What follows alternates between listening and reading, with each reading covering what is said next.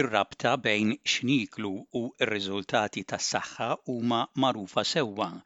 Issa sejbit ġodda ippubblikati minn ġurnal mediku Ingliż jikkonfermaw li dieta b'ħafna ikel ipproċessat għandha rabta ma' diversi kundizzjonijiet tas-saħħa.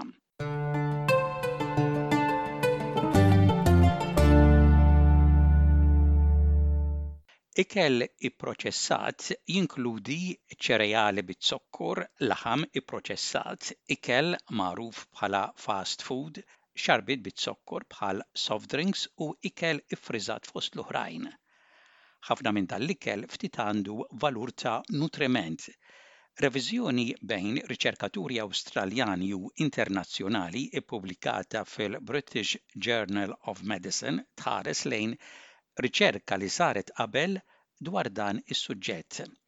It-tabib Daisy Cole, riċerkatriċi u esperta tad-dita f'The George Institute for Global Health, ħarset fid-dettall lejn l-istudju li juri rabta diretta bejn dak li niklu u diversi kondizzjonijiet tas-saħħa.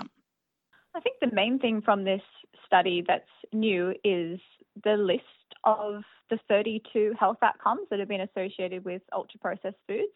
Some of the previous studies have focused on a certain disease area, whereas this is quite a comprehensive review that looked at a range of different health outcomes, and those 32 came out as having an association with ultra processed food consumption. And the top two health outcomes um, that are linked to ultra processed foods are increased risk of dying from cardiovascular disease as well as mental health disorders, including anxiety.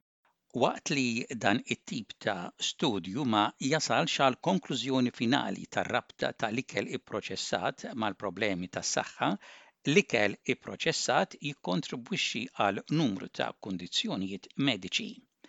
It-tabib Alan Barkley mill-Università ta' Sydney li huwa konsulent dwar id-dieta, espert dwar in-nutrimenti u xef jgħid ukoll li L-għażliet ta' ikel tajjeb għas-saħħa hija kwistjoni komplessa b'ħafna fatturi soċjo-ekonomiċi. It's been shown that if you uh, have a diet very low in ultra processed foods, or in other words, one that's based on minimally processed foods, it can cost around 70 Australian dollars extra a week than one that's much higher in ultra processed foods. So and of course, the other interesting finding is that um, we know that older people consume far less ultra processed foods than younger people. And I suspect there's an affordability side of things there because we all know that uh, younger Australians are under severe financial stress at the moment because of housing inequality and, and various other issues. It-tabib Daisy Coyle taqbel li il-finanzi huma kwistjoni importanti meta niġu dwar x'jiklu in-nies u dak li ikun tajjeb għal saħħithom li sussidju għal ikel bħal frott u ħaxix tal-ikel jista' jagħmilha aktar faċli u aktar affordabbli għal ħafna nies. I did some research a couple of years ago to look at purchases of ultra processed foods across Australian households. And what I found is that, which is quite alarming, is that half of what we buy at the supermarket is ultra processed foods. And we know that lower socioeconomic households purchase more ultra processed foods. So when it comes to thinking about how we actually tackle this problem, I think it's really important that we take that equity angle in, into account. It's not fair to make ultra processed foods more expensive without making the healthier alternatives cheaper.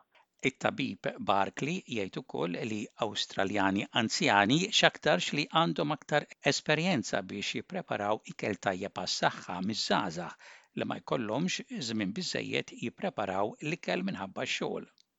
So I think rather than slapping warning labels on things, which is really, I, I think, you know, quite confronting and, and a very negative way of dealing with things, I think we should be investing in people's food literacy, their ability to select and prepare um, healthier foods uh, to make them from scratch rather than just tell them this is no good.